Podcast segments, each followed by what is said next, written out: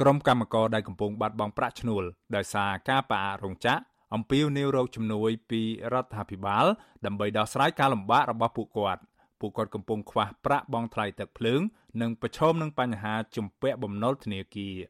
កម្មការនីម្នាក់នៅរោងចក្រឌិនហានលោកស្រីព្រំសុភីលើកឡើងថារោងចក្ររបស់លោកស្រីបានផ្អាកការងាររយៈពេលជិត1ខែមកហើយដោយសារការផ្ទុះជំងឺ Covid-19 លោកស្រីកំពុងព្រួយបារម្ភពុំមានប្រាក់សម្រាប់បង់សងបំណុលធនាគារជាង300ដុល្លារនៅក្នុងមួយខែថ្លៃបន្ទប់ឈ្នួល50ដុល្លារនៅក្នុងមួយខែ និងបង់ថ្លៃទឹកភ្លើងទិញថ្នាំពេទ្យព្យាបាលជំងឺប្តីទិញទឹកដោះគោឲ្យកូននិងការចាយវាយប្រចាំថ្ងៃថែមទៀតដូច្នេះលោកស្រីសម្រេចថាលក់ម៉ូតូដើម្បីដោះស្រាយទុក្ខលំបាកនេះកម្មការនីរោងនេះអះអាងទៀតថាប្រាក់ឈ្នួល50%មិនអាចជួយបន្ធូរបន្ថយបន្ទុកគ្រួសាររបស់លោកស្រីបានទេ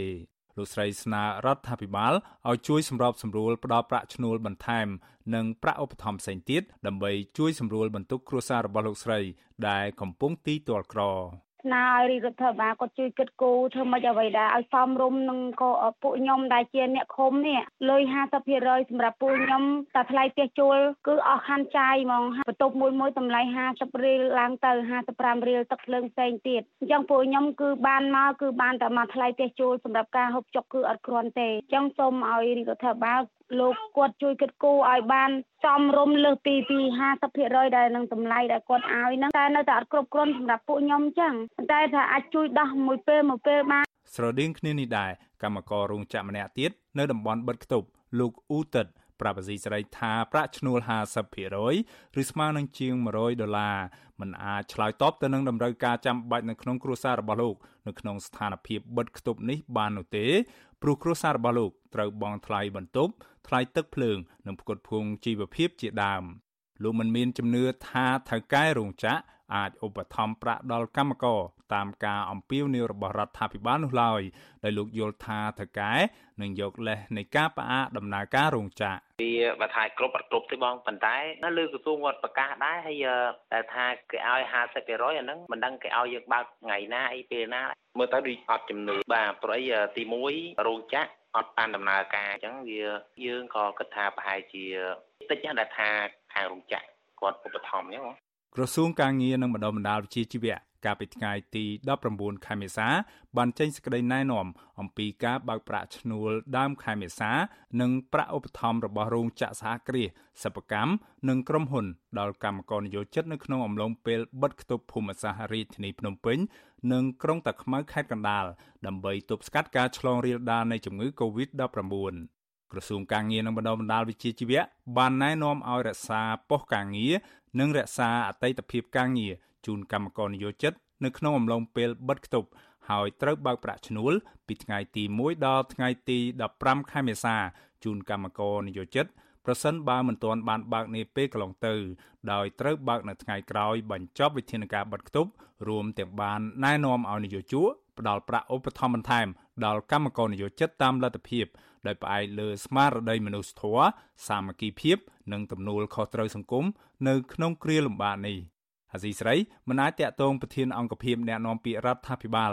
លោកផៃស៊ីផាននិងអ្នកណែនាំពាក្យក្រសួងការងារនិងបណ្ដុះបណ្ដាលវិជ្ជាជីវៈលោកហេងសួរដើម្បីសុំការឆ្លើយបញ្ជាក់បានទេនៅថ្ងៃទី2ខែឧសភា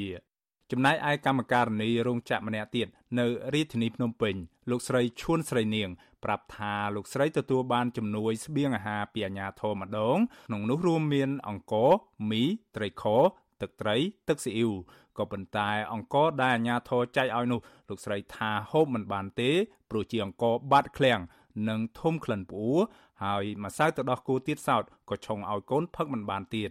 លោកស្រីតូនតែថាមិនដឹងទៅខ្ចីបុលពីកន្លែងណានោះទេនៅក្នុងអំឡុងពេលបិទគប់នេះដើម្បីបានប្រាក់ទិញស្បៀងអាហារហូបចុកប្រចាំថ្ងៃដល់ពេលមកដោះស្រាយកូនស្រីគាត់បានចងគាត់បំណុល2500ហ្នឹង ហើយឥឡូវ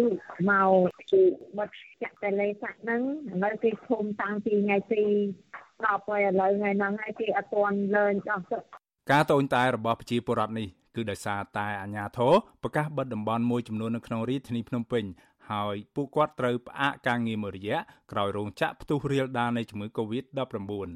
ជុំវិញរឿងនេះមន្ត្រីគ្រប់គ្រងកម្មវិធីការងារនៃមជ្ឈមណ្ឌលសម្ព័ន្ធភាពការងារនិងសិទ្ធិមនុស្សហៅកាត់ថាសង្ត្រាល់ លោកខុនថារ៉ូមានប្រសាសន៍ថាការបើកប្រាក់ឈ្នួលឲ្យកម្មករចាប់ពីថ្ងៃទី1ដល់ថ្ងៃទី15មេសាគឺជាកាតព្វកិច្ចរបស់នយោជកព្រោះជាប្រាក់ឈ្នួលនៅក្នុងអំឡុងពេលដែលកម្មករធ្វើការហើយនយោជកមិនអាចគេចវេះបាននោះទេលោកមើលឃើញថារដ្ឋាភិបាល និងសមាគមរោងចក្រកាត់ដេរនៅកម្ពុជា ឬហៅកាត់ថាជីម៉ាក់មិនបានដាក់បញ្ចូលលក្ខខណ្ឌនិងកាតព្វកិច្ចនយោជកដើម្បីទូទាត់ប្រាក់ឈ្នួលឲ្យកម្មករនៅក្នុងអំឡុងពេលផ្អាករោងចក្រចាប់ពីថ្ងៃទី15ដល់ថ្ងៃទី30ខែមេសានោះទេមន្ត្រីសង្គមសិវរុនេះយល់ថាត្រឹមតែសេចក្តីណែនាំរបស់ក្រសួងនយោជកអាចយកលេសមិនបើកប្រាក់ឧបត្ថម្ភឲ្យកម្មករលោកជំរុញនឹងលើកទឹកចិត្តឲ្យនយោជកនិងសហជីពនៅតាមរោងចក្រធ្វើការចរចាគ្នានិងសម្បទានតាមគោលការណ៍ស្មោះត្រង់ យើងដឹងហើយថាកម្មករនយោជិតប្រាក់ឈ្នួលរបស់គាត់នឹងមិនទាន់មានការធានានៅ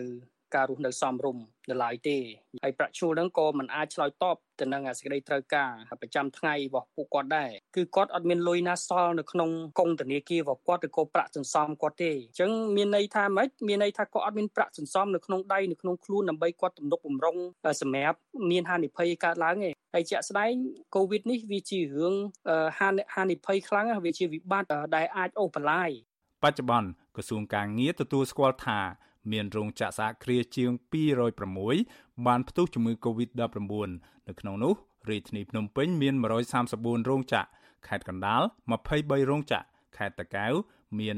26រោងចក្រខេត្តប្រសេអនុមាន16រោងចក្ររួមទាំងខេត្តមួយចំនួនទៀតក៏ប៉ុន្តែតួលេខពិតប្រាកដនៃចំនួនរោងចក្រនិងសហគ្រាសដែលមានកម្មករឆ្លងជំងឺ Covid-19 អាចមានច្រើនរហូតដល់ទៅជាង300រោងចក្រនិងសហគ្រាស ខ្ញុំបាទមេរិតអាស៊ីស្រីរាយការណ៍ពីរដ្ឋធានី Washington